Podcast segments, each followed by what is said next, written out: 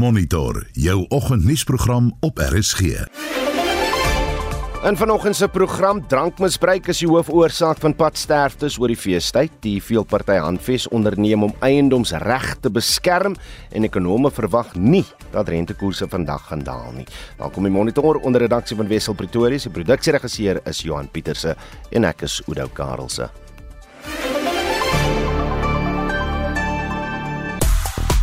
In jou sportnuus ons kyk terug na Bafana Bafana se wedstryd by die Afrika Nasies beker gisteraand teen Tunesië, die jongste by die Australiese Ope tennis toernooi en Driekus Du Plessis land in Suid-Afrika. Daar gedaan Bafana Bafana ons span is deur na die uitklopfase van die Afrika Nasies beker. Nou wil ek net weet as julle reg om net so bietjie meer opgewondenheid te bring te ondersteuning van hulle stryd in die voorkus. Want ek het 'n gevoel die Nasies se houding is maar nog so bietjie pap teenoor ons span wat ons vir jare lank nog so bietjie teleurstel as ons uh, eerlik is. Hulle speel natuurlik volgende Dinsdag teen Marokko. Enige mooi woorde vir Bafana Bafana mense? Gooi. En Januarie is internasionale breinprikkelmaand. Ons wil by jou weet, hoe hou stimuleerd geoefen en uh, geoefen en gesond? Die mediese sê dat breinoefeninge veral belangrik is in mense wat dalk die voorkoms van Alzheimer in hul gene het. En in sekere gevalle kan hierdie oefeninge iets soos Alzheimer vertraag. Ek weet daar is heelwat toepassings wat mense deesdae gebruik met raaisels van alle tipes om die brein elke dag so 'n bietjie te trakteer. Is daar 'n spesifieke toep wat jy aan die res van ons kan aanraai of uh, vul jy blokkies raaisels in? Speel jy Sudoku of weet jy 'n ander manier om jou brein fiks te hou? Deel dit met ons asseblief. Ons hoor graag van jou. Stuur 'n SMS na 45889. Dit kos jou R1.50 per SMS of jy kan vir ons 'n WhatsApp stemnota stuur na 076 366961. Maak 'n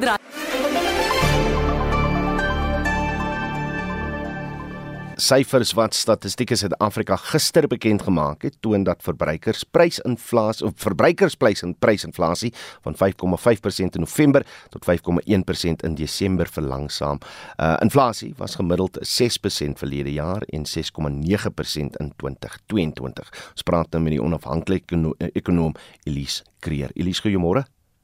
Goeiemôre Oudo. Wat het tot die klein bietjie verligting vir die verbruiker in Desember bygedra?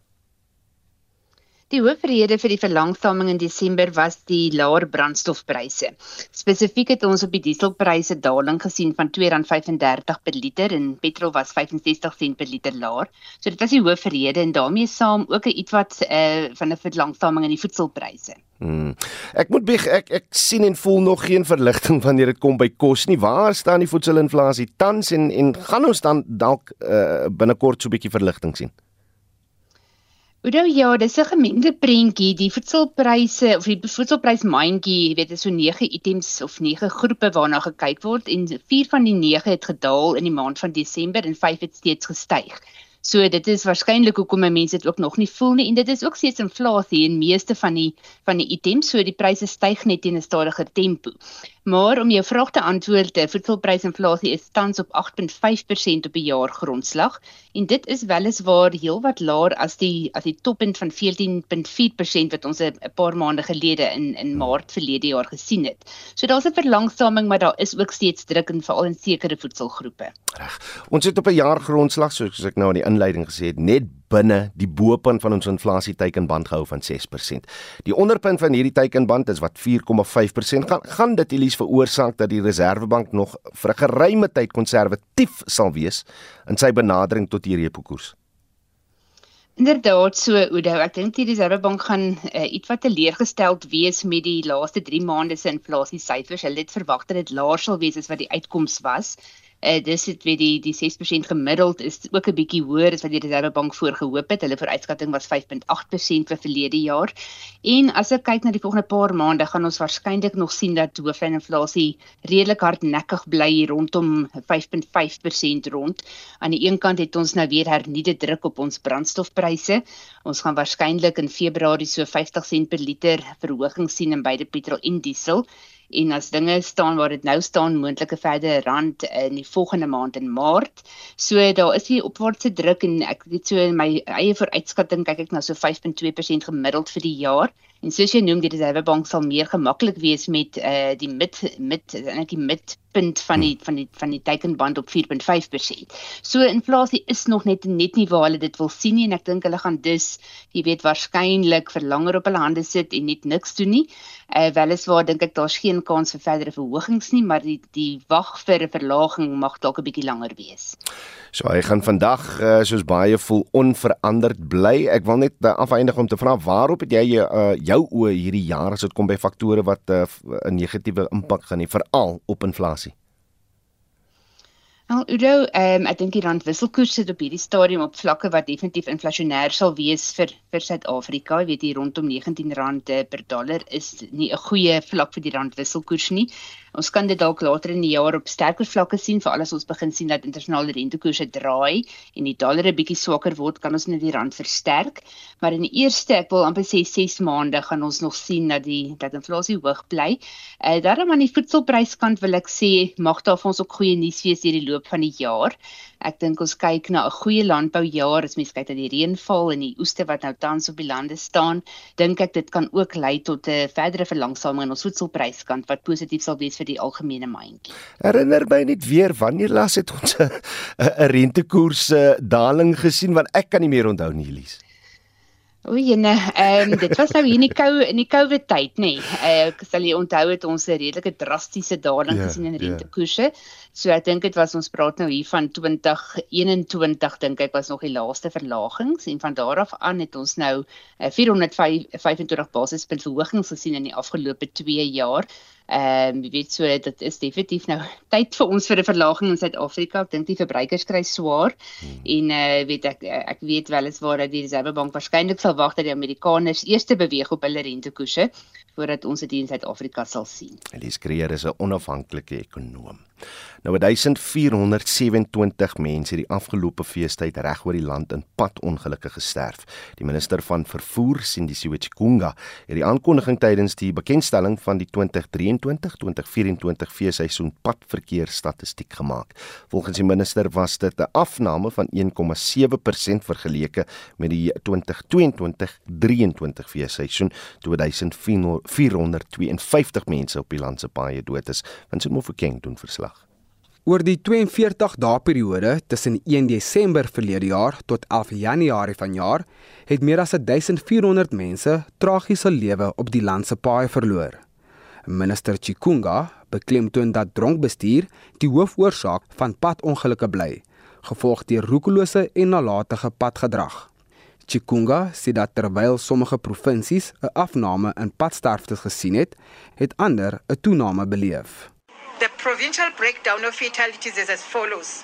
Free State recorded a 27.4% decline. Eastern Cape recorded a 21.5% decline. Northern Cape recorded a 15.7% decline. Limpopo recorded an 8.4% decline. Northwest recorded a 2.1% decline. Gauteng recorded a 7.6% increase. KwaZulu-Natal recorded a 4.2% increase. Mpumalanga recorded a 9.7% increase. And Western Cape recorded a 22.6% increase. Chikunga sê die meeste noodlottige padongelukke is in die eerste, derde en vierde week van Desember aangemeld. Most of the crashes occurred in the first week, that is from December 1 to December 5. Again, during the third week, that is from December 15 to December 21, as well as the fourth week from December 2022 to December 2028. Most crashes took place between 7 in the afternoon, in the evening, and 10 in the evening, with a peak between 8 in the evening and 9 in the evening. Net meer as 40% van die padsterftes was voetgangers. Minister Chikunga sê die meerderheid van die sterfgevalle was tussen 25 en 44 jaar oud. 40.9% of those who died were pedestrians. Passengers accounted for 33.6%, drivers accounted for 24.6%, and cyclists accounted for 0.8%.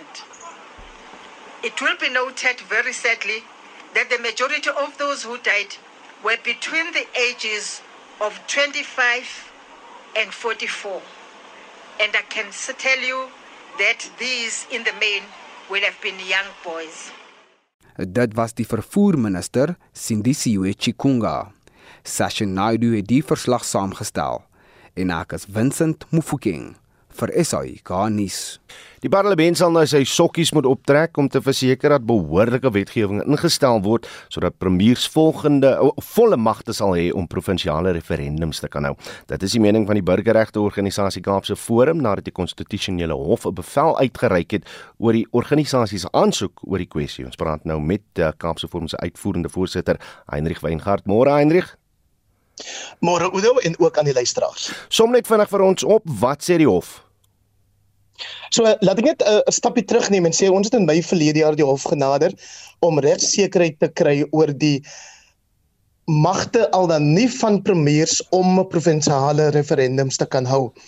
So die regsadvies wat ons ingewin het, het aan die een kant gesê ja, die wet op referendums maak of behoort voorsiening te maak daarvoor Um en die grondwet sê in artikel 127 dat premiers wel die reg het om referendums te hou, let wel in ooreenstemming met nasionale wetgewing.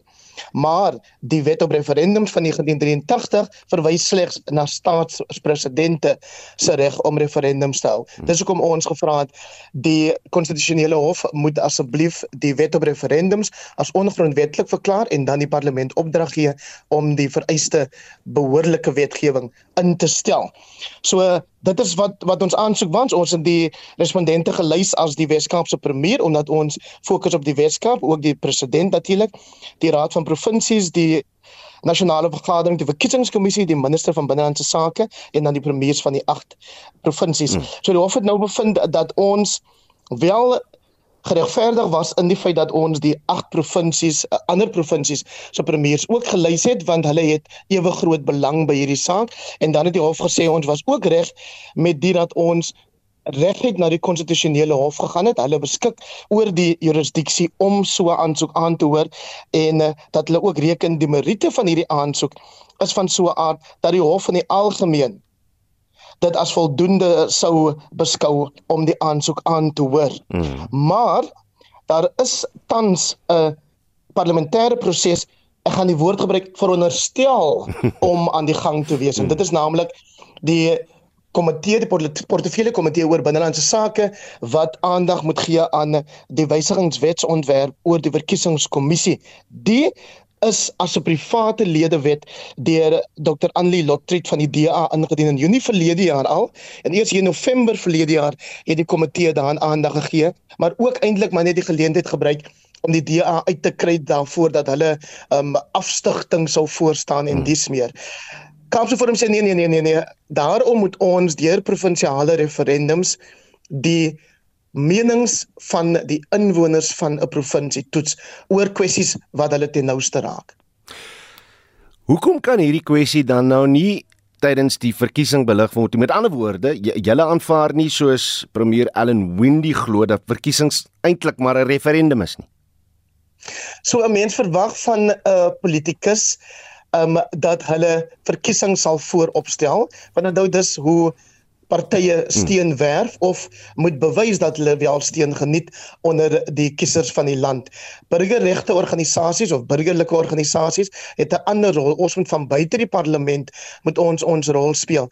En wat jy in elk geval sien, julle het met uh, die ANC gepraat die afgelope klompie dae en ook met die DA hmm. oor die sogenaamde uh, Wes-Kaapse magte wet of hmm. die um, Western Cape Powers Bill en wat jy dan daar vind is jy kan eintlik dit maar noem 'n UFC geveg as dit is myself verskoon tussen die nasionale regering en die party wat dan nou die Weskaap regeer. Ons sê nee nee, ons wil hê dat die inwoners moet ook in die kruit klim en hulle steen moet getoets word vir die kwessies waaroor daar deur politieke partye kop gestamp word. Provinsiale referendum sal dit vir ons moontlik maak. Ons weet ook dat partye maak verskriklik beloftes en jy hoor dit hm. reeds nou um, terwyl die 2024 verkiesingsveld nog nie eens behoorlik in rad gekom het nie hoe dat partye vir kiesers 'n klomp verskonings um, liewer beloftes voorhou en uh, dan wanneer die verkiesing plaasgevind het en die ouens is verkies dan moet jy hulle herinner aan daai beloftes wat hulle gemaak word. So ons kan nie terugsit asof ons net toeskouers is nie. Ehm um, Oudo, burgerregte organisasies het 'n verpligting, eintlik 'n grondwetlike verpligting om te verseker dat politieke partye, regerende partye, regerings wel hou by die voorskrifte van die grondwet soos wat daar in artikel 127 bepaal word dat provinsiale referendums gehou mag en behoort gehou te word maar ons weet ook oor die afgelope 3 dekades het ons gesien die ANC is baie kieskeurig en eintlik maar moetswillig soms in die uitvoering van grondwetlike ooreenkomste wat aangegaan is in die gehaas om aan bewind te kom. Reg. So die hof het nou basies beslis dat die administratiewe of die parlementêre wiele draai. Wat sal dan noodsaak dat Kaapse Forum weer voor die hof gaan staan om te sê eintlik hierdie ding moet deur die hof beslis word? Die konstitusionele hof sê vir ons hou daai proses dop en as jy vind dat die parlement nie by die hof nou binne 'n redelike tydperk die wetgewing ingestel kry nie dan kan jy terugkom na ons toe. As jy ook vind dat indien daar wel wetgewing ingestel word dat daai wetgewing nie in ooreenstemming met die grondwet is nie, moet jy terugkom na ons toe. Ek het gister met dokter Anlie Lotriet van die DA gepraat en sy klink baie entoesiasties of optimisties liewer dat hierdie wetgewing wel deurgevoer gaan word nie. Geen verrassing daar nie. Onthou die ANC beskuldig die DA daarvan dat hulle wil terugkeer na die ou bandtoestand of tuislandbeleid met hierdie Wes-Kaapse magte um, wet wat nou vir openbare kommentaar um uh, na die gemeenskappe geneem gaan word. En en ons sê nee dit is juis in ooreenstemming met Kaapse Forum se fokus op die afwendeling van magte na effektief bestuurde provinsies of munisipaliteite. Die daad dat jy 'n regering in Pretoria het wat reken hy of sy beskik oor al die wysheid en al die kundigheid om 'n hele land so divers en so kompleks soos Suid-Afrika te kan bestuur. Daai daar's lankal by die deur uit. Dit is ou denke. Dis tyd vir vernuwing. Dit was Hendrik Weingart, die uitvoerende voorsitter van die burgerregte organisasie Kaapse Forum. Turkye het ingestem om Swede se aansoek as 'n lidland van die Noord-Atlantiese Verdragsorganisasie of oftewel NAVO te aanvaar. Nou Swede het sy aansoek in 2022 ingedien kort na die Russiese aanval in Oekraïne. Turkye het egter beswaar gemaak. Onthou alle NAVO-lede moet instem voordat die aansoek van 'n nuwe lidland bekragtig kan word. Maar die skepers het by Solidariteit se hoof van internasionale betrekkinge, Jaco Kleinhans, gaan kers opsteek hieroor. Wat was Turkye se grootste beswaar? Sedert die uitbreek van die oorlog in Oekraïne het Finland en Swede besluit om aan te doen om NAVO lidmaatskap. Turkye wat 'n NAVO lid is, het redelik gemaklik Finland se aansoek goedgekeur, maar die Turkse president Recep Erdogan het gesê dat hy ernstige besware het teen Swede lidmaatskap. Sy grootste beswaar was dat Swede eintlik 'n senior lede huisves van die Koerdistan Werkersparty en hierdie mense is natuurlik uh, hele betrokke in die suidooste van Turkye, 'n gebied waar daar 'n meerderheid Koerde woon en volgens die Turkse regering was baie van hierdie persone ook verantwoordelik vir terreuraanvalle in Turkye. Nou sedertdien het uh, Swede groot moeite gedoen om hierdie besware en natuurlik aan te spreek om oplossings daarvoor te probeer vind. Hulle het onder andere ook wetgewing aanvaar, nuwe antiterreurwetgewing wat dit onwettig sal maak om lid te wees of enige Swede burger om lid te wees van 'n terreurgroep. Het die konflik in die Midde-Ooste en die uitkring daarvan na die Rooi See Turkye se ommekeer beïnvloed? Die afgelope weke is 'n spanning in die Midde-Ooste. Ons het 'n heelwat konflik gesien. Hy het natuurlik dit selfs vir Turkye 'n dringende aangeleentheid gemaak en waarskynlik het uh, die Turkse president juist dus die die Swetse aansoek versnel meer as dit 'n groot prioriteit beskou en daarom het ons gister in die Turkse parlement gesien dat 'n groot meerderheid van parlementslede ten gunste van Swetse lidmaatskap van NAVO gestem het. En dit het baie baie sterk te maak met Turkye wat bekommerd is oor die verswakkende veiligheidsomstandighede in die Midde-Ooste, byvoorbeeld in buurlande soos Sirië en dat Turkye natuurlik graag so gou as moontlik meer gevorderde wapens by die weste wil aankoop. Waar staan Hongarye se besluit op die oomblik? Hongarye is natuurlik 'n land wat nader aan Rusland staan as die eerste ander NAVO-lidlande, die Hongaarse premier eh, Viktor Orbán wat uitgesproke is dat hy sê dat die oorlog in Oekraïne tot 'n einde moet kom en dat die weste eintlik 'n fout maak om heeltyd wapens aan Oekraïne te verskaf. Maar met Oekraïne met Hongarye wat nou alleen staan, kan jy eintlik verwag dat die Hongare ook waarskynlik redelik vinnig sal voortgaan om die aansoek goed te keer. Die premier van Hongarye, Viktor Orbán, wat gister reeds 'n geskrewe uitnodiging gerig het aan die regering van Swede om gesprek te voer hieroor. Nou die Hongaarse parlement is nog in reses tot middel Februarie. So hulle sal dit nie voor die middel van Februarie kan goedkeur nie, maar ons kan verwag oor die volgende paar weke dat alles wel in plek geplaas word om dit goed te keer en dan kan ons waarskynlik sien dat die hele aansoekproses teen die einde van Februarie afgehandel is. Hoe belangrik is Swede se lidmaatskap vir NAVO? Op hierdie stadium dink ek is Swede se lidmaatskap baie belangrik. En dit gaan natuurlik oor die veiligheidssituasie in die Baltiese See. Ons het ook gesien dat Finland se aansoek daarom baie belangrik was. Finland wat 'n baie lang grens met Rusland deel, maar daar is natuurlik kommer dat indien Rusland uiteindelik suksesvol is in sy oorlog in Oekraïne, dat hy moontlik mag probeer om ander gebiede in Oos-Europa ook aan te val of te beset. En natuurlik die grootste vrees daarvoor is veral in die Baltiese state, klein lande soos Letland, Litouwe en Estland wat bekommerd is daaroor. En vir daardie rede wil baie NAVO-lidlande hê dat Finland en Swede deel van NAVO moet wees sodat NAVO magte, NAVO militêre vermoë natuurlik na daardie gebied uitgebrei kan word om dis eintlik 'n sterk boodskap aan Rusland te stuur dat enige aanval natuurlik uh, vir Rusland baie slegte gevolge sal inhou. So ja, ons het gesien eintlik dat baie van die westerse leiers, veral ook die Amerikaners, 'n sterk pleidooi op Turkye en Hongarye gelewer het om wel hierdie aansoek van Swede so gou as moontlik goed te keer. Dit was Solidariteit se hoof van internasionale betrekkinge, Jaco Kleinhans, en ek is Marlie Skeepers vir SAK nuus. Jy luister na Monitor elke weekoggend tussen 6 en 7. 36 en hier is wat voorlê in die res van die program. Die veelparty handves onderneem om eiendomsreg te beskerm en Bafana Bafana is deur tot die volgende ronde van die Afrika Nasies beker. Bly ingeskakel.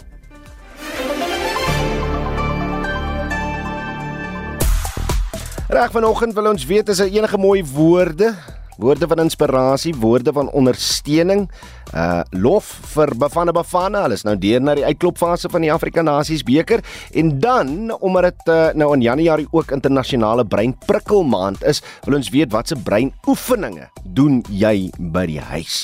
So 'n paar van die SMS'e wat deurkom uh, sê anoniem breinoefening. Ek glo 'n brug is 'n goeie breinoefening. Vier persone nodig. So spanwerk dwing ons uh, weer om te kommunikeer na COVID.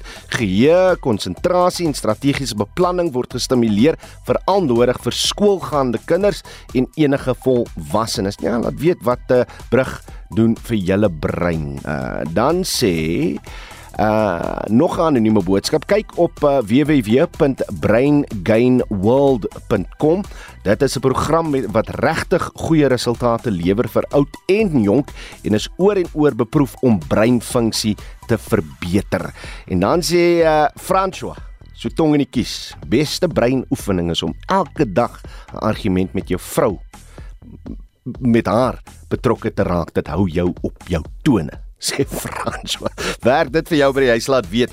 SMS dit na 45889 dit kos jou R1.50 per SMS. Jy kan ook vir ons 'n lekker stemnota stuur na die nommer 0765366961.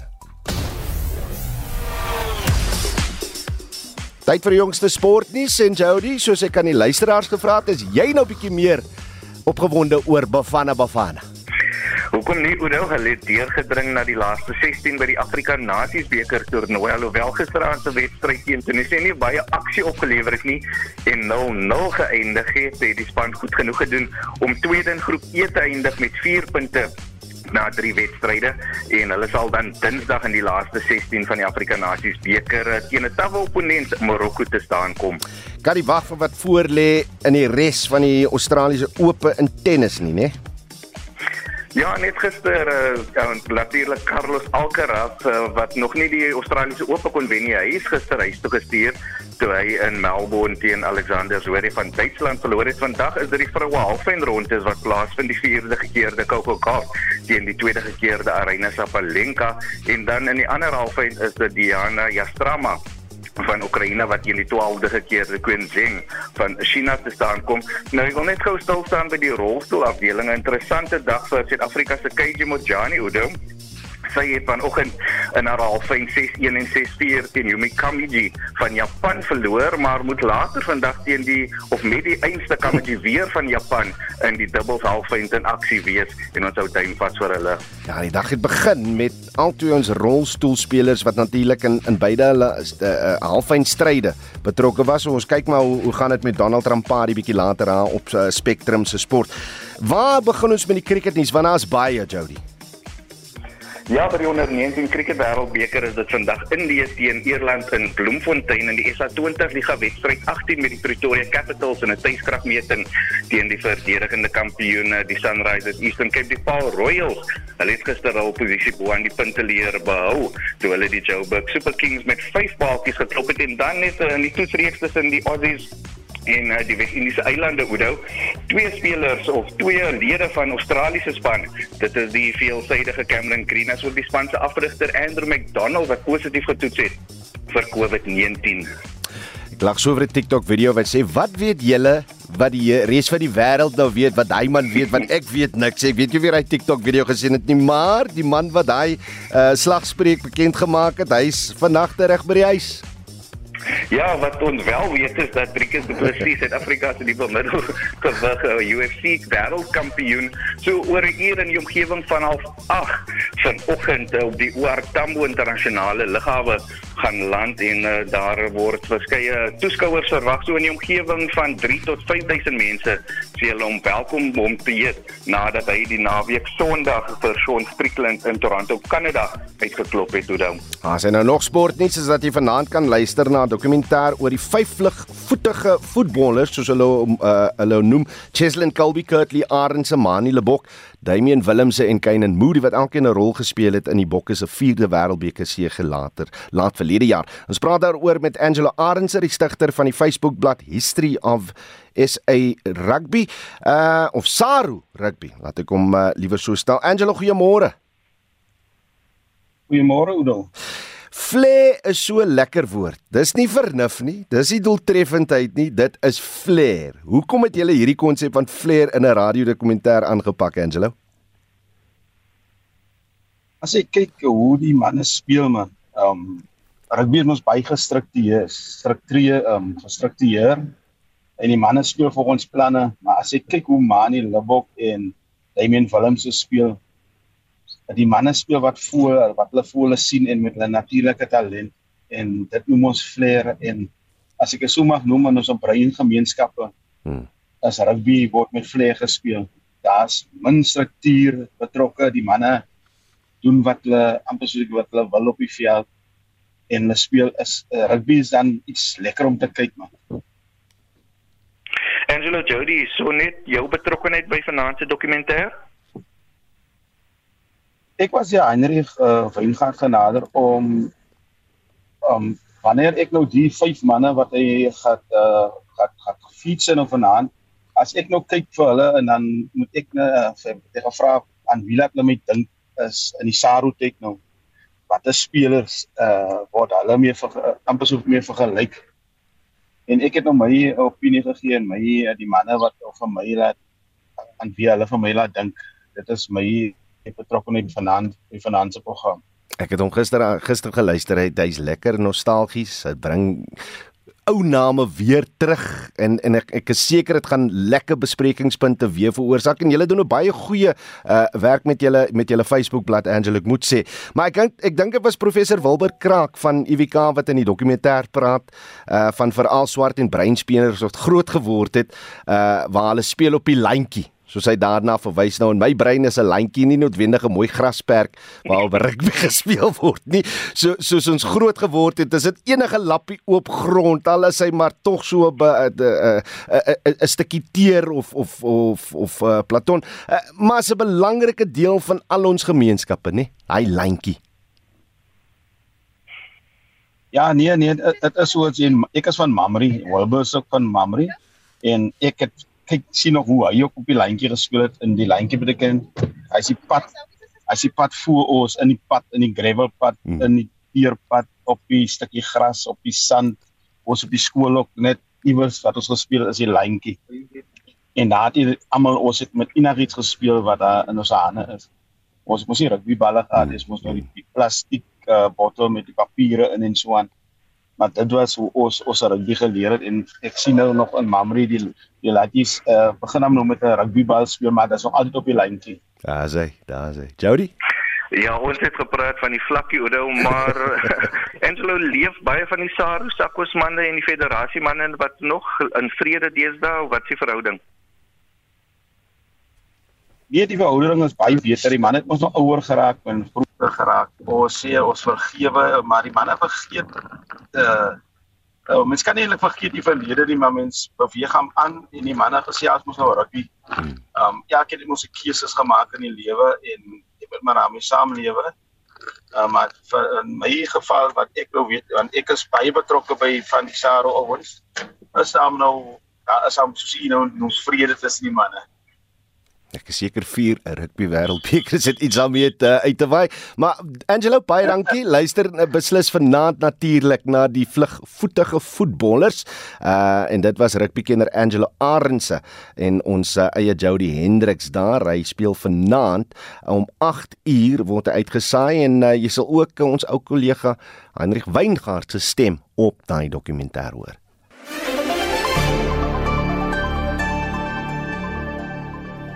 Inwoners van die Governor Mbeki munisipaliteit in die weste van Mpumalanga sê hulle het al vir 5 dae nie water nie. Ons praat nou met 'n DA lid in die munisipaliteit se raad, Marian eh, eh, Chamberlain. Marian, goeiemôre. Goeiemôre.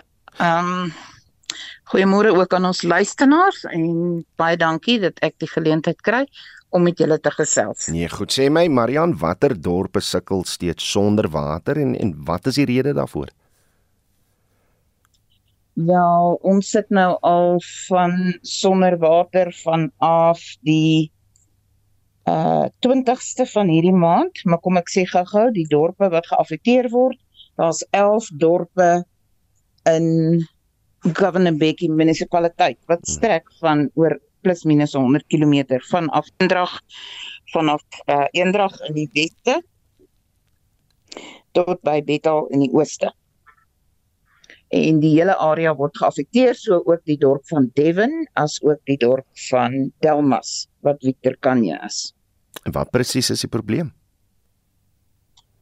Die uh, ons het op die 4de Januarie het ons kennis gekry van Randwater dat hulle gaan 'n uh, eh, 'n uh, eh, opgradering doen op hulle transformers by van die pompstasies wat sou plaasvind op die 21ste Januarie. Hmm. En dit sou 'n tydperk van 8 ure geduur het.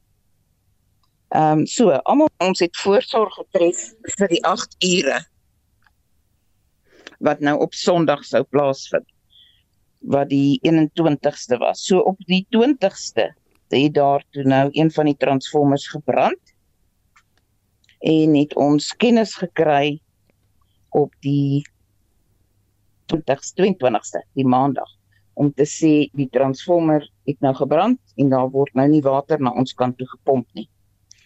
So, ons 8 ure se water wat ons nou gestoor het, is toe nou natuurlik nie voldoende gewees nie. En uh, ons sit nou nog sonder water. Wat sê Randwater, wanneer gaan hierdie ding herstel word? Wanneer gaan uh, krag toevoer weer herstel Hulle, word? Kyk, die probleem is nou eintlik nie die probleem is nou heidaglik nie randwater nie. Die probleem is Eskom. Hulle moet vir ons nou 'n transformer, 'n nuwe transformer installeer. Nou die transformer moes van Midrand af gekom het. Dis 'n massiewe transformer. Hy moes op 'n laabed ingegryp word het. En natuurlik het jy dan 'n uh, permit nodig om daardie abnormale voertuig op die pad te kan neem. So, daar ek weet nie wat presies was al die probleme met die permit nie, maar die transformer het nou gistermiddag laat aangekom by die substasie waar dit nou moet geïnstalleer word. Hmm. En dan sodra dit nou geïnstalleer is, dan kan Randwater se pompstasie wat die water dan nou na ons area toe pomp, kan dan nou begin pomp. Maar heidaglik sit ons nou soos in hoog en droog. Daar's nie 'n druppel water in een van ons pype nie. Is daar 'n tussen is daar 'n tussentydse plan gemaak, watertankers of so voort? Ehm um, ons het watertankers in die dorp, maar daar's nou 'n probleem, hulle kan nêrens gaan volmaak nie. Tensy hulle nou na naburige dorpe soos Kriel toe ry of Springs toe moet ry of Standard toe moet ry, wat dan nou op die ou einde uh finansiële koste gaan uh bybring. Want dis ver, dis 'n uh, afstande wat dit moet ry en jy kan as nou jouself dink, die die afstand tussen die dorpe daar's nie genoeg water tot trokke om al die inwoners te diens nie. Daar is gelukkig mense met uh boorgate wat geweldig help. Hmm. Hulle stel hulle boorgate oop, hulle vra nie geld daarvoor nie. Jy moet nou net in die tou gaan staan met jou kanne en dan kan jy daar waar hulle gratis water kry. So uh die pro ekskuus. Uh, die probleem is nou net dat uh, almal het nie die vervoer om die water te gaan haal by daardie waterpunte waar die mense hulle nou boorgate beskikbaar stel nie. Nou, ons sal die situasie dophou. Marian Chamberlain is 'n dialit van die Govan Mbeki munisipaliteit waar daar nou nie water is nie. Suid-Afrika se eerste veelparty handves het gister oplossings voorgestel om die land se ekonomie te laat groei en eiendomsregte beskerm. Elf oppositiepartye het 'n voorverkiesingsooreenkoms bereik in 'n poging om die ANC se steun onder 50% te laat daal. Die grootste partye in die pakte is die DA, IFP, Vryheidsfront Plus, ACDP en Action SA. Mitsi van der Merwe meer besonderhede.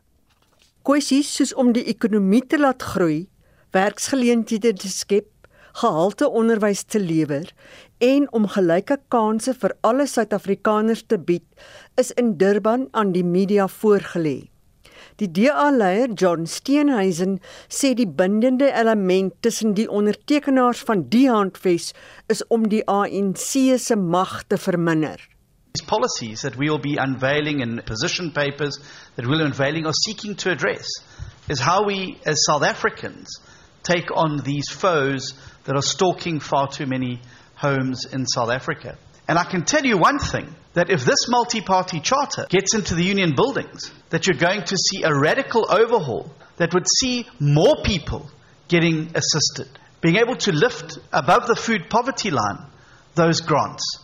So people mustn't be fooled, as the president tried to pull the wool over everyone's eyes a few weeks ago, that if the ANC goes out, that these things will come to an end. Die leier van die IFP, Welen Kosini Klabisa, sê buitensporige hoë brandstofpryse doen baie skade aan die Suid-Afrikaanse ekonomie. Indeed, one of the killers of our economy is the exorbitant growing fuel prices. The parties to the multi-party charter are in full agreement about the need to reduce the fuel prices significantly. Apart from bringing much needed relief to households, it will also boost the competitiveness and productive capacity of our local manufacturing sector. Volgens die leier van Action SA, Herman Mashaba, moet die probleme rondom agterstande beweringe van bedrog en onbekwaamheid in staatsbeheerde liggame soos Transnet ook hanteer word. As you are aware, the almost collapse of Transnet, where containers are stuck at our harbour because of mismanagement, because of corruption, because of cadre deployment. I think it's an ideal spot. So we are going to really be briefing South Africa about the economic uh, policies that each party is offering. Obviously, we share, and uh, some of them that we don't share, we will obviously find common grounds post the election. Die leier van die Vryheidsfront Plus, Dr Pieter Groenewald, het sy vertroue uitgespreek dat 'n koalisieregering suksesvol sal wees. Today is a good example of how successful coalitions can be in South Africa. Coalitions, a very strong feature of them, of any coalition, is that you get multiple parties, but they put forward their best ideas, and the focus is then on the ideas to see and build a better South Africa. Professor Rousseau referred to South Africa as committing an economic suicide. That is true. But who can change that? It's only the people of South Africa when it comes to the election this year. Die lede van die veelparty handves het Suid-Afrikaners aangespoor om tydens die laaste registrasie naweek op 3 en 4 Februarie te registreer. Nonjabulu Mtungwa Makamu het hierdie verslag in Durban saamgestel. Mitsi van der Merwe SAK nuus. Ons bly by die onderwerp en praat dan verder hieroor met professor Dirk Coetzee van uh, Unisa se departement politieke wetenskap. Dirk, goeiemôre. Goeiemôre. Is daar volgens jou enigiets konkreets wat uit hierdie handves spruit? Wel, eerstens gee hulle vir ons 'n idee van hoe hulle dink, want dit is self verskillende groeperings wat bymekaar is en dit is moeilik om 'n gemeenskaplike idees te ontwikkel. Dit is ook moeilik om of in die verlede was dit nog altyd moeilik vir oppositiepartye om werklik 'n alternatiewe uh, raamwerk van ekonomiese beleid voor te stel by verkiesings. Hmm. So ek dink hier wat ons hier probeer wat hulle hier probeer doen is om 'n 'n raamwerk voor te stel wat in nie net noodwendig verskillende beleids uh standpunte stel nie, maar sê dis die alternatief. Dis die alternatiewe eintlik ekonomiese filosofie wat onderliggend is van dit wat ons wil doen. Ons het nou aan die insetsel gehoor hoe daar uh geondernemers om eiendomsreg te beskerm met dit praat die handves in in verder besonderhede oor hoe dit gedoen gaan word. Uh, ek het nog nie al die dokumentasie daarvan gesien nie. Ek meen dit is gister is nog net in 'n groot mate daaroor gepraat. Die detail gaan blykbaar later eers volg. Uh, maar ek dink wat wat 'n mens kan verwag is byvoorbeeld dat die ehm um, gedeelte in die grondwet artikel 25 dat dit beskerm sal word um, dat daar nie veranderings daarin sal plaasvind nie dat as daar by die uh, onteiening veral as dit gaan oor onteiening as as dit wat dit daar te sprake is dat dit op 'n regsproses gebaseer sal wees dat dit nie sal lei tot 'n uh, onteiening sonder enige vorm van vergoeding nie. Hmm. Ehm um, dat die prosedure hoofsaaklik deur die howe gehanteer uh, sal word. Ek dink dis die tipe van denke wat 'n mens verwag wat hier uit sal kom. Die einde van die dag sal hierdie partye 'n uh, 'n koalisie regering moet vorm na 'n verkiesing of na die verkiesing. Nou wonder ek as hulle nagenoeg aan mekaar dirk dat dat uh byvoorbeeld 'n uh, uh, ekonomiese beleidsrigting maklik genoeg sal wees om om in te vat vir al hierdie partye. Ja, ek dink die meeste van hierdie partye se benadering is is veral as as dit kom by die ekonomie is relatief versoenbaar met mekaar. Ehm um, dit is nie 'n sosiaal-demokratiese partye nie, is meer 'n liberaal-demokratiese partye. Mense sê as op die politieke spektrum sal hulle sentristies of selfs regs van die sentrum wees, nie soseer links van die sentrum nie.